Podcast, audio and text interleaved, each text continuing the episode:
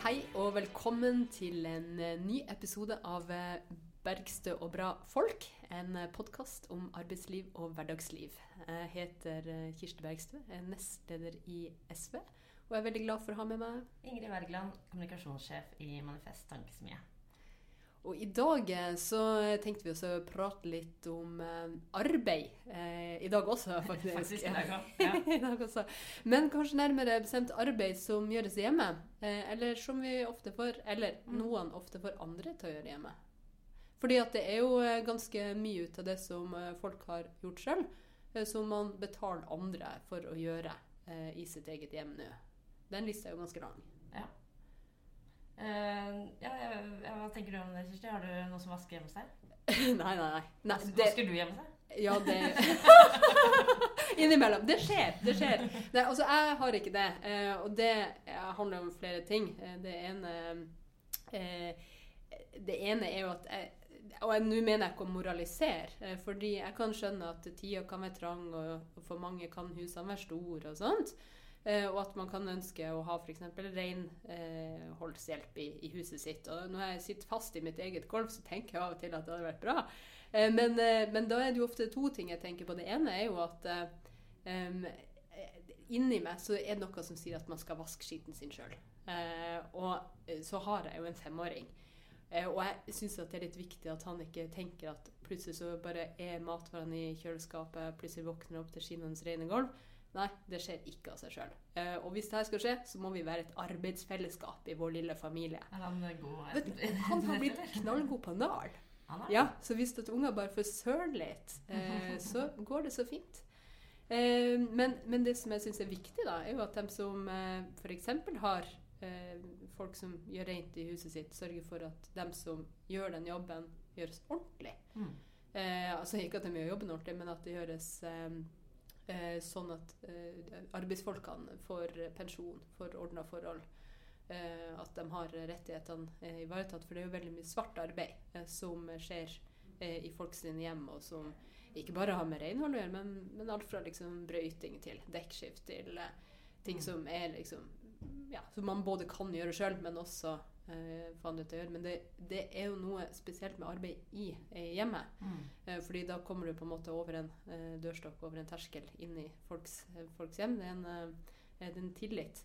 Og da må man også sørge for at, at dem som, som gjør jobben, er, er beskytta av, av kontrakt og har ting, på, ting på stell. Ja, det skulle bare mangle. Ja, Det skulle bare mangle, men det er jo dessverre sånn at altfor mange ikke har det. Mm. Eh, og så er det jo et til dilemma. Altså, det er nå en gang sånn at det er jo aldri aktuelt for dem som er rundt omkring å gjøre rent i husene til folk, å ha noen til å gjøre rent i sitt hus. For det har man jo ikke råd til. Mm. Ja, nei, eh, det er jo eh, jeg, Altså, jeg har heller ikke, ikke vaskehjelp, men, eh, men jeg, har, eh, jeg kom på en, eh, en historie når vi, når vi tenkte at vi skulle snakke om dette her. Fordi jeg har en, eh, en venninne Nå er dette, dette er 20 år siden, da, men da hadde hun og mannen, eller kjæresten da, som det var da, Mm. de fikk bo i en leilighet veldig billig. Eh, mot at de skulle vaske, eller gjøre husarbeid, da, i, i, i huset til de som eide leiligheten, som var et eldre ektepar som bodde i Holmenkollen. Altså, var det en sånn sokkelleilighet? Nei, nei, de bodde i en leilighet nede i, i sentrum. På, Et helt annet sted. ja, i sentrum på Oslo. Ja. Og så, og så var det avtalen at nei, da, så det var, Dette var jo nok ikke sånn veldig ryddig sånn, rent sånn skattemessig. Og det var ikke, de, de fikk ikke noe pensjonspoeng for de, de timene de skulle jobbe, for å si det sånn. Men eh, det var noe, de var studenter, og da ja, da gjorde de det, da. Og da skulle de da jobbe tre timer i uka, eh, begge to, da, for dette eldre ekteparet. Og det, det blir jo seks timers husarbeid i uka. Mm. Og det er jo ganske mye. Så det var ikke sånn at det eldre ekteparet liksom trengte seks timers husarbeid i uka. Og det som, som er litt fascinerende, er at hvordan hun opplevde at det oppsto behov, da. For de hadde, hadde dem til sin disposisjon, sant. Så de satte dem jo til å pusse sølv to ganger i året. Altså de hadde ikke gulna engang. Og til å pusse vinduene fire ganger i året. De sto, de sto og strøk underbuksene deres. Altså helt sånn absurde ting da, som man aldri ville gjort selv, ikke sant. Ja. Men med en gang du har noen andre som du bare kan peke Et tjenerskap. ja, rett og slett et tjenerskap. Så hun husker at hun begynte å lese en bok av Barbara Ehrenreich om liksom eh, ja, fattige meksikanske kvinner som jobbet for eh, overklassen i USA, som nå identifiserte seg veldig med det. Det var, det var helt Ja. merkelig, liksom. Reisen etter sommerhuset deres for å pusse vinduene der. Og sånn. Ja. Men ja, det eh, Raj? Det er hun som skrev 'Kjøpte underbetalt'? ikke ja, det er kjempegod bok. Eh, journalist, ja. Mm. Mm. Nei, så, så det, det er liksom noe med det også at eh, Jeg er jo absolutt enig i at i noen livssituasjoner eller om man har dårlig helse eller, altså Det kan være mange grunner til at man trenger hjelp, hjelp hjemme, da. Men Mm. det, det oppstår også At det kan på en måte oppstå sånn, litt sånn absurde behov, da. Eller, eller, Mm. oppgaver, da. Fordi Mm. man har da, har da alt dette her tilgjengelig, da. Altså, eh, ja, altså, jeg husker bare eh, Det var en gang jeg hadde det var noen som hadde lånt eh, leiligheten vår mens vi var bortreist. Og, så, som takk for det, så hadde de altså, og de drev og flytta mye og sånn, så hadde de fått et uh, vaskeselskap til å vaske leiligheten vår. da. Så det vel den ene gangen jeg har hatt noen fremmede til å gjøre det. Og da husker jeg at jeg ble sånn jeg var ikke så redd. Så bare begynte jeg å se ting da, som jeg aldri hadde reagert på hvis jeg hadde visst at de hadde vasket ut. Din indre bitch Ja. til live. Det var ikke noe, det var ikke noe hyggelig. Jeg likte det. Vi, har den utgaven der sjøl du ikke Ja, det. Men, men dette, her, eh, dette er jo en sånn idé Altså høyresidens idé om hvordan arbeidskraft skal forvaltes i samfunnet. Da. Den er jo veldig sånn preget av at, Mm. at de som kan tjene veldig mye penger, eller har en eller høy produktivitet, da, som man gjerne kaller det, Mm. um, eller en høy verdi på arbeidsmarkedet, de skal ikke gjøre ting som kan gjøres av andre som har en mindre verdi på, Mm. på arbeidsmarkedet. Ikke sant? Så sånn sett, så ut fra en sånn idé, så uh, hvis man da tenker at eh, eh, jeg som en, eh, en ut, høyere utdannet sosiolog med uh, ja, skal, som kan tjene mer i timen enn en, en, en renholder eh, i dagens eh, marked, da, eh, burde egentlig ikke stå og vaske badet mitt. For det burde jo egentlig en som tjener mindre, gjøre. Så burde jeg heller jobbe en time ekstra med det jeg kan gjøre på min jobb. Mm. Det er jo en, en forestilling, ikke sant? Logikken der Ja. Ja. eh, så er det klart at jeg har jo fast jobb og jobber de timene jeg skal gjøre uansett, så det, det går jo ikke sånn i hop sånn menneskemessig, da. Mm. Men dette her er jo satt i system i, eh, i eh, vårt eh, kjære naboland Sverige. For der dyrkes jo dette til det fulle, og dette har jo oppstått eh, da særlig gjennom eh, Reinfeldt-regjeringen, altså høyreregjeringen som styrte i Sverige i, i åtte år, Mm. eh, ved at de innførte det som heter RUT-fradrag. Som absolutt er noe norsk høyreside sånn med glede snuser litt på innimellom. De har vel kanskje snust så mye at de til og med har skrevet litt om det. Ja, altså Det er en formulering i regjeringsplattformen som har kommet nå, da, som, som virker som den, eh, som den er liksom litt bortpå det. De har i hvert fall denne setningen her. Vurdere endringer og insentiver som gjør det enklere å få utført tjenester i hjemmet på lovlig vis, og hvor skattereglene følges. Så enklere Kanskje vi kan tolke det til altså innføre skattelette, for det er nettopp det dette RUT-fradraget er. Mm. Skattelette for tjenester i hjemmet. Og da er jo, det har jo vært flere argumenter for det. ikke sant? Både det at man skal rydde opp i liksom, dette, den svarte økonomien eh, som, som finnes, men også, også at man sier at dette kommer til å skape veldig mye jobber. Da, da kommer det til å oppstå nye jobber. Eh, fordi folk eh, Det blir jo billigere for enkeltpersoner å, å hyre folk til å jobbe hjemme.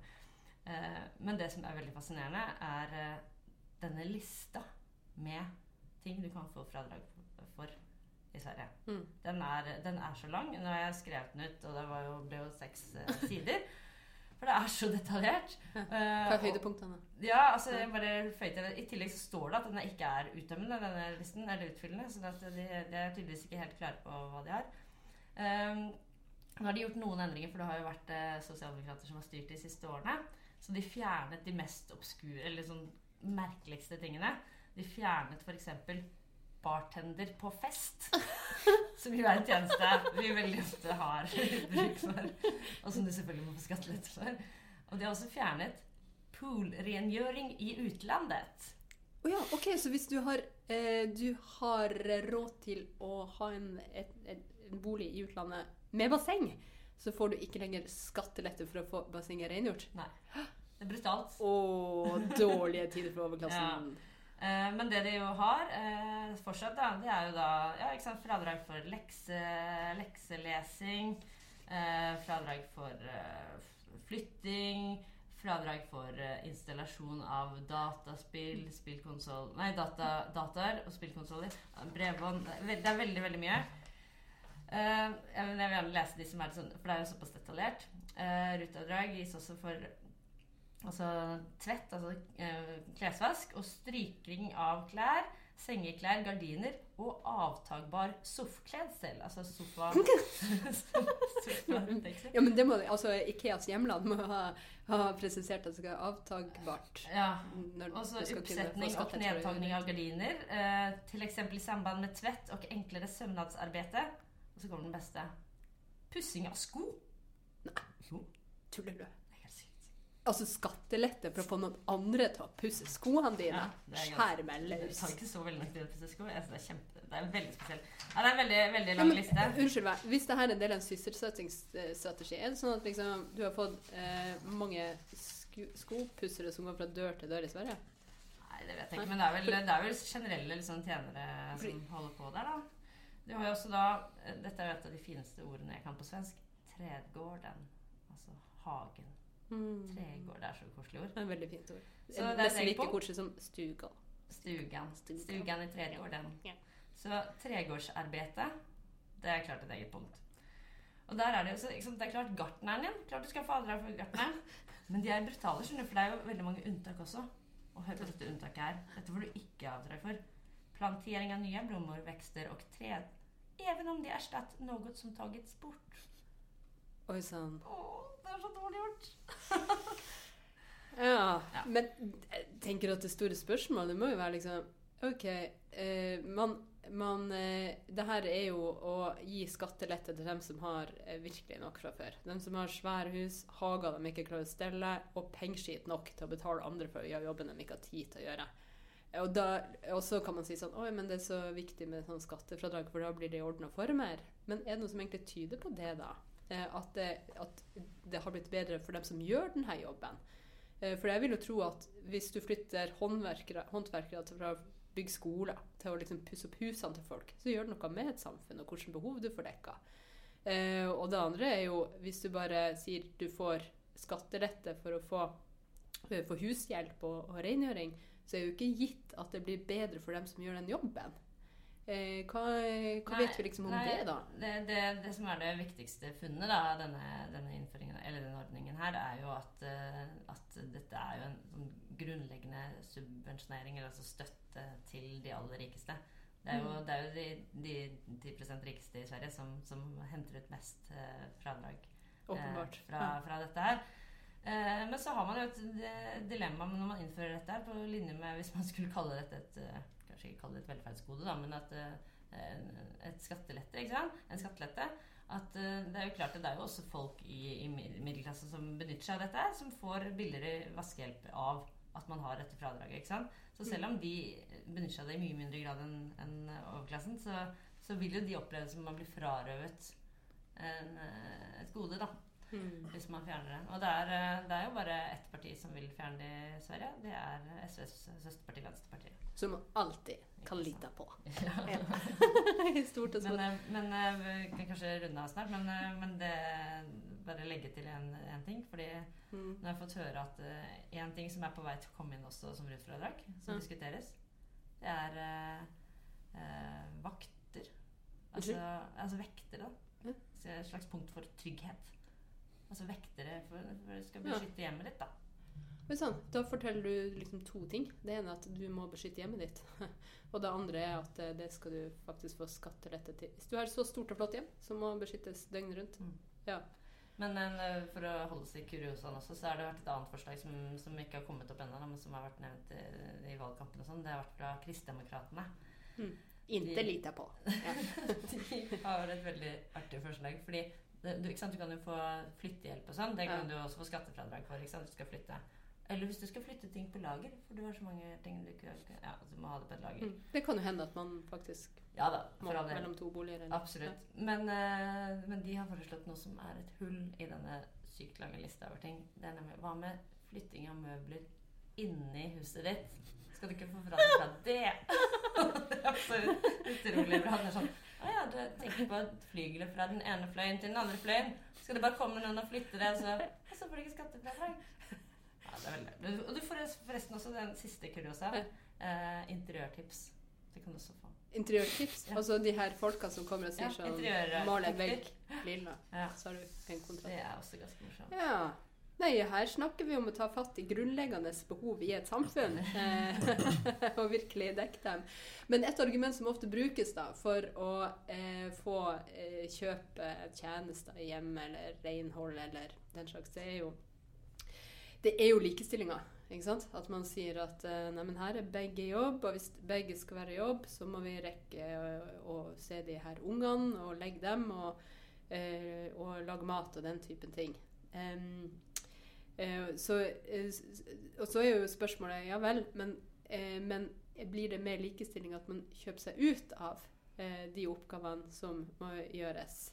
Eh, det er jo et spørsmål vi kan la henge i lufta.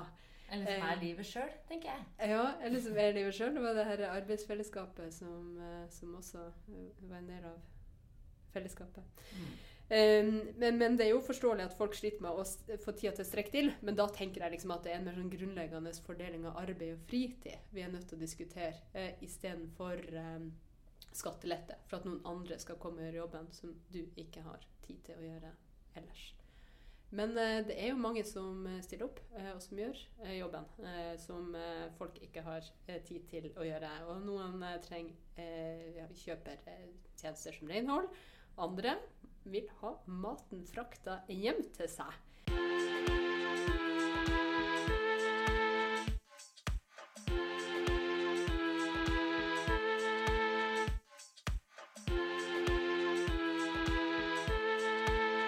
Eh, og da eh, er det kanskje på tide å eh, introdusere dagens gjest, som jeg er veldig glad for at har kommet hit til oss.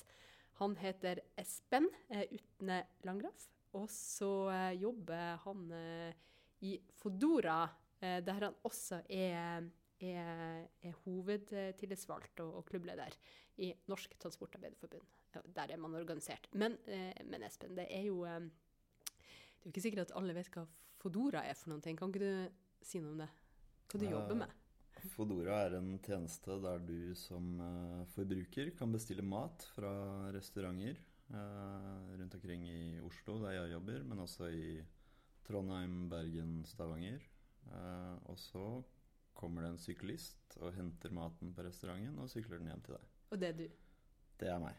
Ja. Hovedsakelig syklister, men de har også begynt med biler, eh, elbiler, eh, i Oslo og Trondheim. Og nå, apropos Sverige, så har de begynt med walkers. Oi, hva det? Altså folk som går rundt Ja, med, med det, det var rykende ferske nyheter for et par eh, dager siden at uh,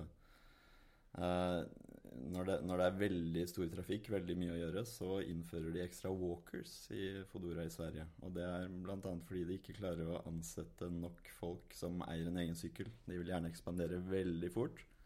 Ja. Og så, ja, så uh, har de ikke tilgang på nye ansatte som engang eier en egen sykkel, så da begynner med walkers. Men fordi det du sier nå, er at det er din sykkel du bruker når du er på arbeid? Ja, det er en del av eh, eh, jobben. At du må stille med egen sykkel og egen mobiltelefon. Og uh, i hovedsak alt uh, utstyret står du for selv. Du, kan ikke du fortelle om det første, altså, Hvor lenge har du jobbet der? Jeg har jobbet der i ca. to og et halvt år nå. Og fortell, kan ikke du fortelle oss om en dag på jobben? Fra du møter opp, og hva som skjer? Ja, så uh, alt styres via apper på mobiltelefonen. Så det, du begynner ved at du uh, beveger deg innenfor uh, den såkalte login-sonen, som er en diameter på to, to kilometer omtrent i Oslo sentrum. Og så logger du inn med telefonen din.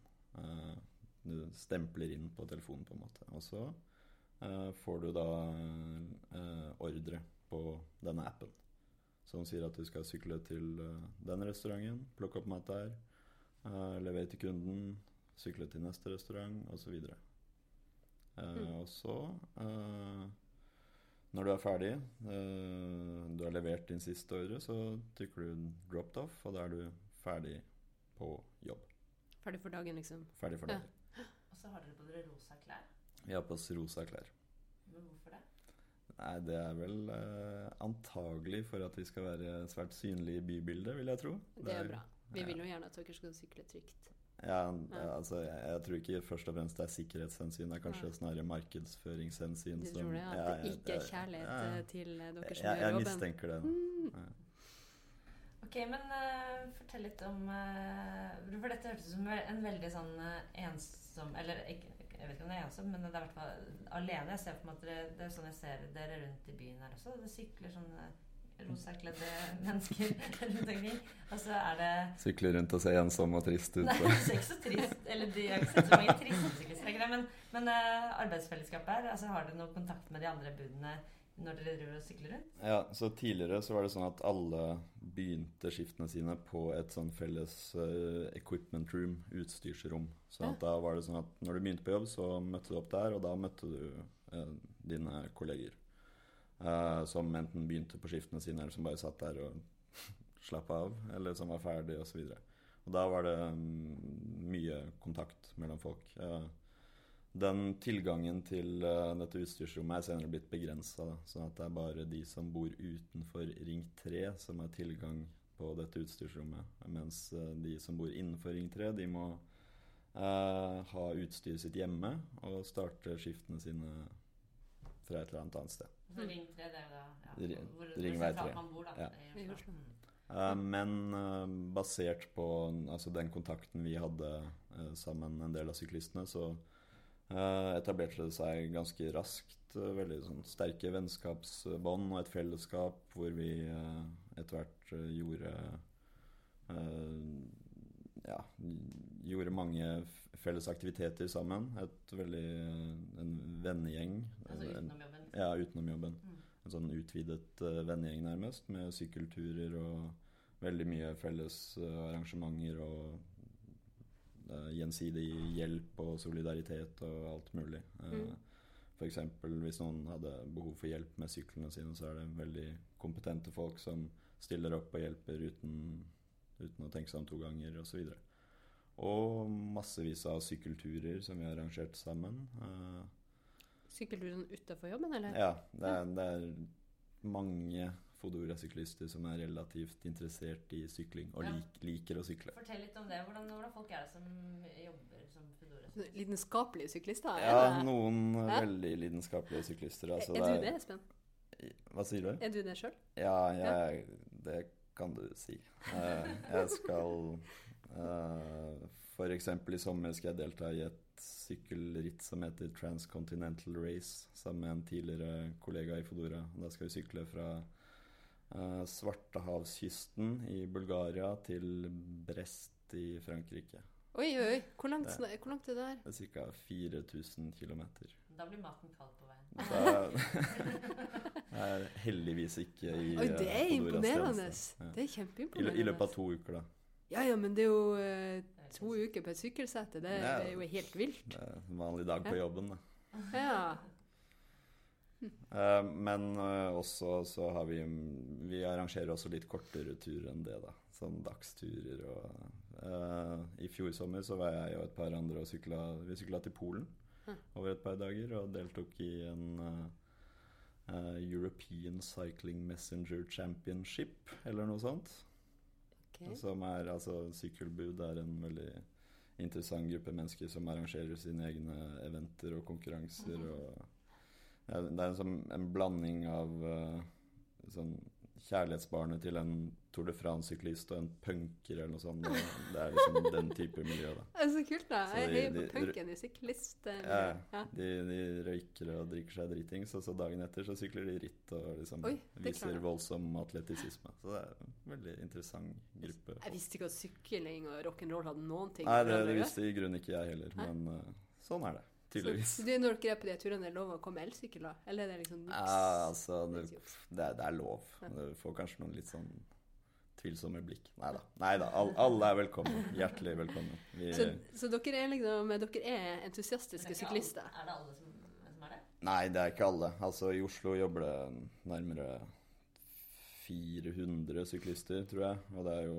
absolutt ikke alle som er på det nivået. Det er alle forskjellige typer mennesker. Det er studenter, det er noen som jobber fulltid i Fodora eh, og har det som sin eneste inntekt. Gjør du Eh, det? Nei, jeg gjør det ikke. Eh, og så er det noen som bare gjør det ved siden av studier, deltid ti timer i uka f.eks. Uh, Og alle mulige mennesker. Det er mange innvandrere. eh, fordi det er en ganske enkel jobb å få som ikke stiller krav til så voldsomt mye språkkompetanse, f.eks. Det holder Mm. å kunne snakke engelsk. eh. og ja, virkelig alle mulige slags folk. Og en høy andel av ganske spesielle, interessante, fine karakterer også, må jeg si. Eh, Men, men eh, hvordan er liksom eh, Hvordan er arbeidsforholdene deres? Du sier at dere må skaffe utstyret sjøl. Eh, og så at man jobber ut fra en app. Hvordan, hvordan er liksom forholdene på, på jobben? Hvordan opplever dere dem? Eh, en, en viktig sak for oss er dette med at du har ditt eget utstyr. Da. Og da syns vi det er rettferdig, ganske logisk, at vi skal kompenseres på en eller annen måte for å bruke vårt eget utstyr. Så hvis du har en jobb, og du jobber et sted, og det å utføre den jobben påfører deg en kostnad av et eller annet slag, så er det ganske rettferdig at arbeidsgiver eh, dekker den kostnaden, syns vi. Så f.eks. når du bruker din egen sykkel, så er det relativt høye kostnader uh, som går på slitasje og uh, når det skjer Når du må uh, reparere sykkelen din, bare normal slitasje også. Så hvis man regner på det, så blir det en ganske høy kostnad. Så kan du tenke på hvorfor Hvorfor er det ikke sånn at, sykkel, at Fodora har kjøpt inn 500 sykler og lar syklistene bruke dem? Det er fordi det er en stor kostnad ikke sant? som Mm. de ikke vil ta. Men kostnaden forsvinner ikke uh, fordi de ikke gjør det. Det er bare at man overleverer kostnaden til de ansatte. Mm. Og ikke bare det å gå til innkjøp av syklene, men også hvis uh, Altså hvis eh, Jesus hadde kommet ned fra himmelen og forært Fodora 500 syk sykler, så ville ikke de tatt imot, fordi det er også en kostnad med å ta vare på disse syklene. Ikke sant? Og vedlikehold osv. Og, så og de vil heller ikke ha den kostnaden. Men igjen, kostnaden forsvinner ikke, den bare overføres på de ansatte. Så det er en del av businessmodellen til Fodora å eh, overføre kostnadene ved å drive et selskap over på de ansatte. Og det eh, syns ikke vi er helt rettferdig. Uten at vi kompenseres for det, åpenbart. Bare for å si noe litt kort om, eh, om Foodora. Så det er jo, som du sier, åpenbart en, en app som er utviklet av, av noen tyske brødre, er det sånn? Nei, altså Det har vært øh, det, er, det er noen tyske brødre som eier liksom det Delivery Hero, øh, som er øh, overselskapet som eier Fodora i mange forskjellige land, og mange forskjellige sånne takeaway-selskaper. Men det er egentlig en, en Det har vært massevis av sammenslåinger i forskjellige sånne startups som de har kjøpt opp osv. Og, så og så er det nå et sånt stort konsern som har øh, hovedkontor i Berlin og eies visstnok av de samme som eier øh, Zalando og ja. Mm. Men, men sånn at eh, det er jo, Men det er jo åpenbart at denne appen eh, er jo veldig Den funker jo veldig bra, da, siden den kan sende deg hit og dit eh, og knytte deg til, til kunder og, og, og behov. Men, eh, men utover men, Så det er på en måte kan man si at det er algoritmen da, som, som er, er, liksom det som er i bånn her, og så, Ja. så gjør dere, dere jobben. Absolutt. Altså, det er øh, Det er en Altså, Fodora Norge er registrert som et IT-selskap. Og noe av det viktigste de driver med, er å utvikle denne appen. Det, det gjøres i Tyskland, men det gjøres på basis av liksom, data fra Norge, f.eks. Men ja, det er riktig at uh, vår, vårt arbeid styres jo så å si utelukkende av uh, appens uh, befalinger og algoritmen osv. Og, og det hvordan selskapet velger å vekte forskjellige ting i denne algoritmen, f.eks. Eh, distanser osv., det har jo stor påvirkning på oss. Ikke sant? For vi, eh, vi jobber delvis på provisjon, så hvis, hvis vi eh, får gjort mange leveringer, så tjener vi mer. Hvis vi får gjort færre, så tjener vi mindre. Så hvordan, hvordan eh, den algoritmen fordeler oppgaver osv., det har stor påvirkning på oss. Og vi mener jo at vi også burde ha en slags innflytelse over avgjørelser som blir tatt i, i så måte. Har dere det i det hele tatt nå? Nei. Nei. Men dere har jo gjort noe veldig viktig med å begynne å organisere seg eh, å bli medlem i ei fagforening, bli medlem i Transportarbeiderforbundet. Eh, kan ikke du, Nå har du sagt litt om grunnlaget for det. Kan ikke du si litt om, om, om hvordan det har gått til? Eh, ja, for omtrent uh, Skal vi se uh, det, var, en, det var en, en første bølge av organisering som begynte for omtrent ja, litt under to år siden. Med, og da, da var det noen syklister som meldte seg inn i Transportarbeiderforbundet, og så ble det krevd en tariffavtale allerede da, men det var en allerede eksisterende avtale, speditøravtalen, som da Fodora egentlig eh, rimeligvis sa at det ikke passer til den typen arbeid, fordi den var ikke eh, Altså, den, den passet ikke til den jobben den skulle dekke. Og de, det- stakk, de sa nei til det, og det var, så ble det med det. Mm. Og så ebbet det litt ut. Så de sa ikke vi finner en avtale som passer her? Nei, Siden det- dette er noe de, nytt, så må vi Nei? De tok ikke Nei, initiativ de, til nei, det, mer det, merkelig nok. Nei. Det kan ikke skjønne hvorfor. Men eh, så for uh, nærmere ja, litt over ett år siden så var det en ny bølge med organisering satt i gang av noen voldsomme ildsjeler blant syklistene. Uh, delvis på basis av det alle disse fellesskapet utenfor jobben osv. Fordi da hadde det dannet seg liksom eh, et, et fellesskap som man kunne ta utgangspunkt i. Og da fikk vi mange medlemmer. Vi tok kontakt med Transportarbeiderforbundet og Oslo Transportarbeiderforening, som har vært veldig eh, Veldig bra å samarbeide med, veldig hjelpsomme for oss. Mm. eh, og ut ifra det, ut ifra både disse ildsjelene og den hjelpen vi har fått fra forbund og forening og LO til og med, så fikk vi en betydelig medlemsmasse etter hvert, og vi satte i gang med å, å skrive en helt ny tariffavtale da, som eh, er tilpasset den type jobb som vi utfører, og som uh, vi vil ha på plass. Og det, det, det arbeidet begynte for litt over et år siden, og nå for bare omtrent litt over to uker siden så leverte vi et tariffkrav til Fodora. Hva skjer videre nå, da? Det avhenger litt av hvordan Fodora eh, responderer. De har ennå ikke gitt lyd fra seg. Eh, de, de har mottatt kravet, det er, det er vi klar over, men de har ikke gitt noe respons på det. Så de har vel omtrent en måneds frist, fra mottakelsen til å eh, til å gi et svar. Mm. Uh, og vi regner med at de kommer til å gjøre det, fordi de liker å se på seg selv som altså, seriøs og samarbeidsvillig osv. Så, videre. så hvis de skal leve opp til det, så er de jo nødt til å gi et svar på en eller annen måte. Eh, og hvis de, de kan jo selvsagt si ja til kravet vårt, det er lite sannsynlig. Eh, eller så kan de eh, være åpne for forhandlinger. Da går vi jo til et forhandlingsbord og kom, prøver å komme til en enighet. Eller så kan de si blankt nei, og da blir det, det altså mekling og sånne ting. Mm. Mm. Men er dere Fordi det er jo en Er det sånn at folk Er det stor utskifting blant kollegaene dine? Eller er det sånn at, det, at folk liksom er stabile på, på arbeidsplassen og er ansatt i lang tid? Du har jo vært en stund. Ja, Ja. altså det, det, er, det er relativt stor uh, gjennomstrømning, eh, Ja. stor utskiftning, Uh, samtidig som det er noen som blir veldig lenge. Så det det er litt sånn, det er et blandingsforhold.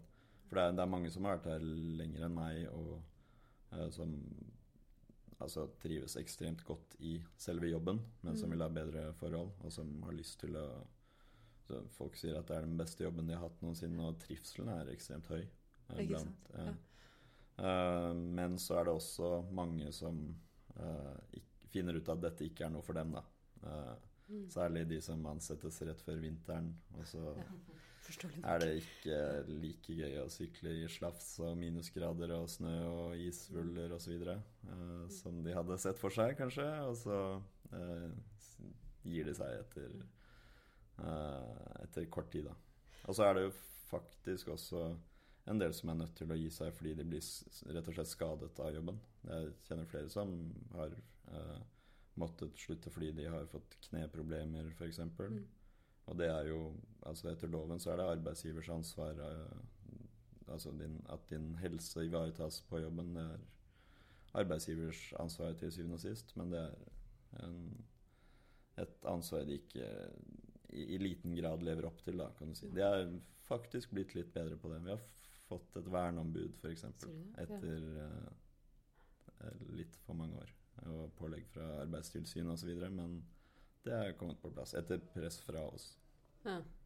For selv om dere ikke har fått på plass tariffavtalen ennå, så har dere jo, som du sier, dere har fått etablert en klubb med mange medlemmer. Du er eh, hovedtillitsvalgt, sånn at du har jo hatt en du har hatt en rolle eh, lenge på arbeidsplassen som tillitsvalgt. og Har du da jevnlige møter med ledelsen, sånn, eller er det hvis det oppstår situasjoner? eller hvordan funker det? Ja, det er, altså Møter med ledelsen er først og fremst i forbindelse med eh, spesifikke situasjoner som oppstår, f.eks. drøftelsesmøter og sånne ting. Altså Hvis de vurderer å si opp noen, så kommer jeg på møte. Men eh, vi har også hatt noen litt mindre formelle møter på en måte i starten, uh, når vi begynte organiseringen, hvor de uh, sa seg villige til å møte oss og snakke om ting, men så kom det ikke så mye ut av det, på en måte. Mm. Fordi de Altså, det, målet for oss har hele tiden vært tariffavtale, og det er, li, det er, begrenset hvor mye vi kan få til utenfor det systemet. Vi har fått til en del ting, f.eks. har vi uh, fått dem til å innse at de må følge en del paragrafer i arbeidsmiljøloven som de ikke har lyst til å følge, og så mm. må vi si at jo, sorry, du må nesten følge loven. Uh, sånne ting har vi kunnet få til utenfor tariff. Men det er jo loven, altså. Ja, men altså arbeidsmiljøloven er jo sikkert den loven som brytes uh, oftest av alle lover. Mm. Uh, og den er jo forholdsvis vag på en del punkter. Det er en sånn formulering som 'bør' og 'så langt mulig' og mm hvis, hvis, det lar seg gjøre, hvis det ikke er til for stor bry for arbeidsgiver osv. Og, så og tolkningen av de paragrafene med sånne formuleringer avhenger jo av press fra de ansatte og de organiserte osv. Så, videre. så uh, loven er loven, men samtidig så er loven uh, åpen for tolkning og press og påvirkning osv. Dette er jo en sånn type jobb uh, som uh, altså denne app uh, Det er et begrep som apploitation, et uttrykk som har dukket opp. hva, det, hva det betyr? Altså at man blir utnyttet via en app. da. Ja. at man har dårlige arbeidsvilkår, og du har, ikke en, du har liksom ikke en sjef å, å ta det med. For det, det, er bare en app som gir deg ordre hele tiden.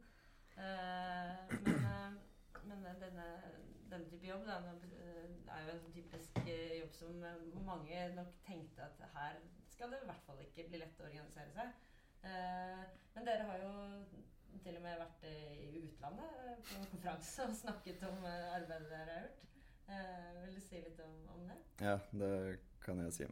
vi var på Jeg og se, to andre tillitsvalgte og en representant fra Oslo Transportarbeiderforening var på en, en konferanse arrangert av, av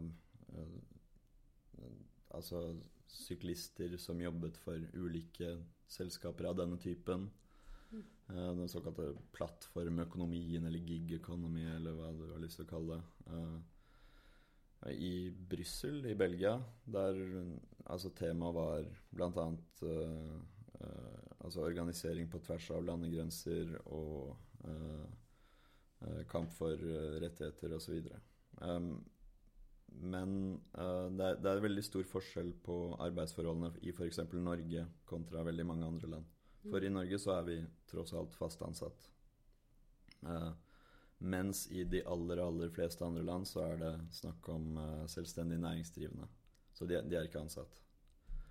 Og det skillet er ganske sentralt for hva slags verktøy du har tilgjengelig for å kunne oppnå noe, da.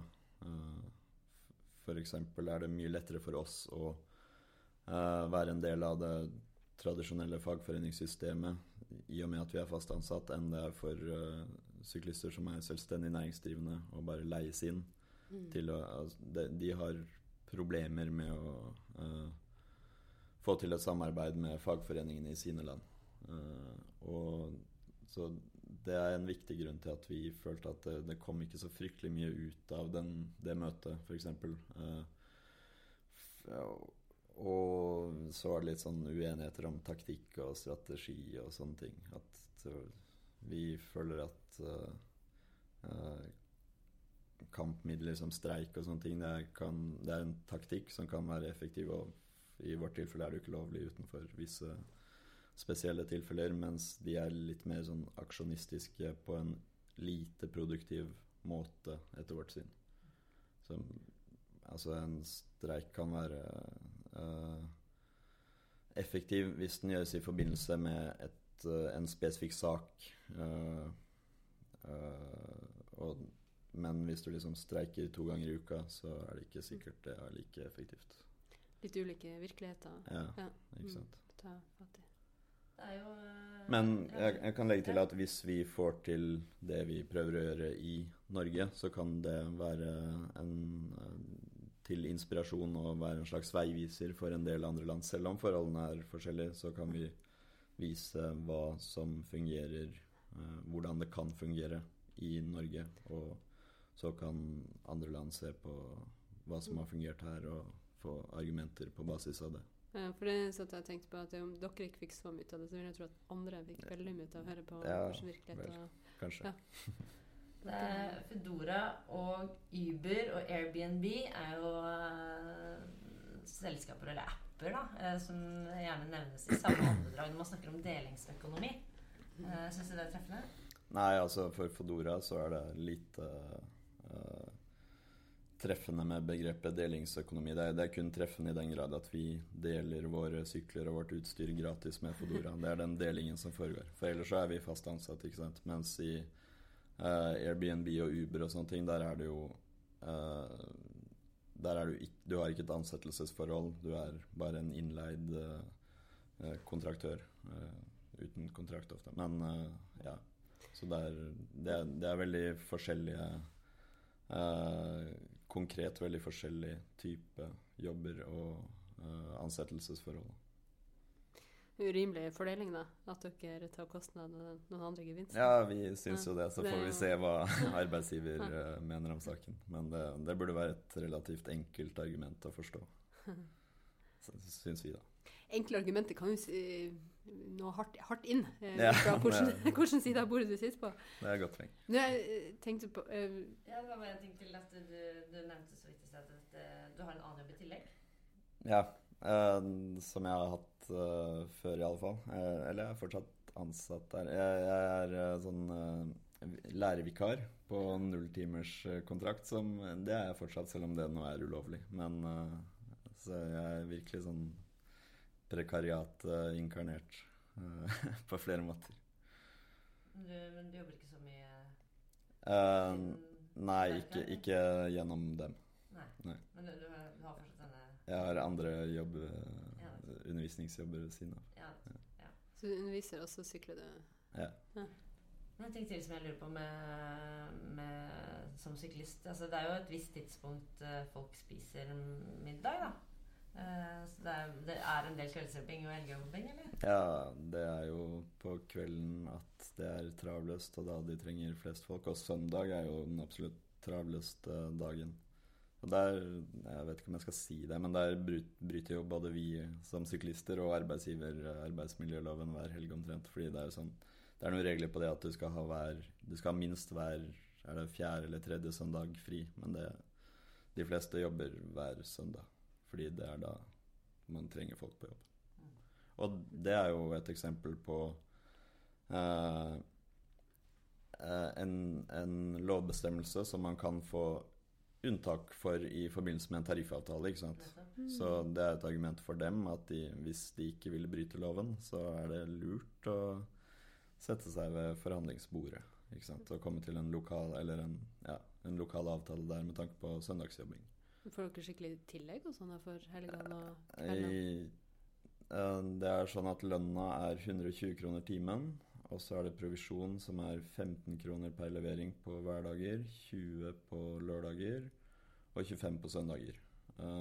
Så jeg, jeg regna litt på det. og eh, konkret for meg så jeg tjener 25% mer på søndager kontra hverdager, omtrent. Mm. Mm. Men jeg tenker litt på det med at det er, at det er stor utskifting. Eh, og nå når dere er en, en, en situasjon der dere jobber frem eh, for å få tariffavtale, og, og sånn, så er det jo utrolig viktig å ha alle med på laget. og og, sånt. og hvis dere er en stabil kjerne som har vært med, eh, jobba der en stund, og som har som også har vært organisert en stund, er det sånn at dere eh, Når det kommer nye kollegaer, er det lett å få med dem i fagforeninga, eller er det, hvordan opplever, opplever du det, da? Det er flere utfordringer der, både med tanke på det om faktisk møte disse nye kollegaene. Ja, for dere har ikke noen sånn felles samlingsplass, Nei, så dere eh, faktisk kan møtes og snakke om det? I liten grad. Det, det finnes fortsatt dette utstyrsrommet, men som sagt så er det begrenset adgang til det, og det er liksom Det er bare for noen. Ja. Ja. Og så er det litt tilfeldig når folk er der, osv. Uh, men det er mye Det er en viss mulighet for å snakke med folk når du er på jobb, når du står og venter på en restaurant, f.eks. Blir ikke det veldig tilfeldig? Jo, det er veldig Ja. tilfeldig. Det er Altså, man tager hva man haver, holdt jeg på å si. Det er uh, Det er en av de, de ressursene vi har, da. Eller en av de mulighetene vi har til å rekruttere folk. Og så er det også eh, Vi bruker et program Eller Fodora bruker et program som heter Slack. Det er et slags diskusjonsforum, da. Hvor alle eh, syklistene eh, altså når du begynner å jobbe der, så får du tilgang til dette forumet. Uh, og det, det er også en arena hvor man kan drive informasjon og rekruttering osv. Men det forsøker de nå å kutte litt Ah, ned, da. Men er det bare for de ansatte, eller liksom for ledelsen også Nei, det er ledelsen også. Så dere har ingen, ingen kanaler kun for dere? er, jo, som vi har laget selv. Som dere har laget Ja. selv, ja. ja. Ok, så bra. Det var nødvendig. Det, ja, det, kan jeg, det kan jeg tro, fordi det er jo en eh, utrolig viktig jobb. eh, dere. For jeg, jeg vil jo tenke at det er veldig mange som syns at det er en kjempefin jobb å få lov til å holde på med hobbyen sin på en måte. Eh, men det er, jo, det er jo sånn med alle jobber eh, at hvis ikke man har ordna forhold og, eh, og en seriøs eh, seriøsitet og, og eh, tariffavtale, kontrakter, de tingene der, så blir jo sjøl drømmejobbene eh, et mareritt. Ja, ja, det er jo ikke akkurat noe argument, det at du liksom trives på jobb, at du skal ha dårligere forhold. Sånn, de, man, det blir jo brukt det argumentet om at ja, få betalt for å jobbe Nei, for å trene, på en måte. Ja. Ikke sant? Ja, altså hvis vi ville trene, så hadde det vært mer effektive måter å gjøre det på, for å si det sånn. Og det er ikke noe argument mot uh, skikkelig Men blir dere, betaling. dere blir møtt med det? Ja, eller de, de bruker det i sånn rekrutteringssammenheng, Mm. tror jeg. Sånn reklame. Vil du trene og gjøre folk glad? Ja. Gi dem mat og få trening på kjøpet. Ikke sant? De blir feitende. Ja. Men eh, jeg tror vi må ønske deg lykke til, eh, Espen, med arbeidet, det viktige arbeidet med å få tariffavtale på, eh, på jobben. Og når vi snakker om jobb, så har vi jo et fast spørsmål som vi, vi stiller gjestene våre. Ja, det er Hva var din første jobb? Altså din første jobb som kanskje ungdom eller ung voksen? Eller alt ettersom når du fikk din første jobb. Ja, ja, det, det kan det være. Eh, Min første jobb var som eh, avløser på en eh, melkegård. Ja. Eh, Som en sommer så var det en kamerat av meg som var melkebonde. Og så jobbet jeg for han eh, tre- to-tre måneder en sommer. Eh, Og det var veldig gøy for en bygutt å komme til en melkegård og ta del i det glade livet på landet. Ja. Var det en sånn eh, Det var sikkert ikke noen melkerobot? Var det sånn at du måtte sett? sett, Ja, altså det, det er eh, eh, Altså det, det var ikke en melkerobot sånn at kyrne går og blir melka på egen hånd, men det er, det er sånne jeg holdt på å si, sette su sugekopper sugekopper som, uh, som man setter på. Hvor mange kurer var det der? Eh, det var rundt 30, litt over 30, tror jeg. Ja. Var det ikke deilig? Jo, det var Ja. jævlig gøy. Uh, ja. Og så kjørte jeg masse tungt maskineri som jeg egentlig ikke har lov til å kjøre. Det første vi gjorde, var at uh, måkeanlegget i fjøset skulle byttes. Fordi altså det anlegget som måker eh, kuskiten ned i uh, avfallskanalene. Men det hadde sluttet å fungere. da, Så første uka så sto vi liksom til kne i skit og skyfla det hjem for å ta det vekk, sånn at vi kunne ta, ta ut det gamle systemet og putte inn Det var kjempegøy. Det var Mm. veldig morsomt. Det er allsidig arbeid på, på Ja, ja, det Det er veldig. Alt mulig. opp. Ja, ganske tidlig. Altså, jeg, jeg melka ikke, så jeg, jeg kom til frokost etter at. Ja, altså, han bonden var, var der hele tiden. Mm. Uh, så han, jeg var hans eh, assistent. Nettopp. Så jeg, jeg fikk en litt uh, roligere start. Eh, Mm. Frister det til gjentakelse? Ja, absolutt. Det var kjempegøy. Bare det, du får en sånn enorm uh, respekt for det arbeidet som bønder gjør. Altså hvor mye uh, praktisk kunnskap og teknisk uh, sofistikerte løsninger de må komme opp med på, i løpet av et par minutter. Når de skal løse et eller annet problem som oppstår, så kommer de med de mest finurlige løsningene og vet hvordan hundrevis av maskiner fungerer. og det er kjempeimponerende. Veldig gøy. Det er imponerende. Jeg tenker på, på bøndene hver gang jeg er sulten. Ja. Ja, jeg gjør det. Man trenger bonden mange ganger om dagen, og da sender jeg en, en takk eh, og en vennlig tanke. Eh, og så, eh, så jeg, jeg er veldig enig i det. Altså, det er imponerende hvor, hvor liksom utrolig allsidig og og dyktige folk det er der ute. Da eh, må vi nesten si takk for at du eh, kom til oss. Det var utrolig hyggelig å høre mer om, eh, om din dag. Ja, det er veldig, vi er veldig spent på, på fortsettelsen. Eh, Ja, det er vi òg. Ja. Men eh, selv takk. Takk for at jeg fikk komme. Du får komme igjen og fortelle hvordan det går. Ja. Bare å slå på tråden. Vi må takke for eh, deg som har hørt på. eh, Og ikke minst eh, deg som lytter i Nederland, Italia og USA og Sverige. For det har vi sett på den, eh, den eh, Oversikta. nettsiden- Oversikta Ja. over, over hvor folk er. De fleste er i Norge, det kan vi avsløre. Vi håper dere fortsetter med det uansett hvor dere er. Gjerne abonner og lik oss på Lik oss eh, hva da? På, jo, På- at man skal trykke sånn eh, Ja, at man skal anbefale oss og sånn. Det er fint. Og så kan man jo dele på sosiale medier også hvis man uh, syns at andre burde høre på. Det er veldig lov. Og så er det jo også lov å ta kontakt hvis det er noe dere vil at vi skal snakke om. Send en e-post. kirsti.bergsto.sv.no er min enkle eh, og tilgjengelige e-post som er der just for you. Da jeg bare ønske en eh, fantastisk kvinnedag. Takk for at du tok eh, følge med oss.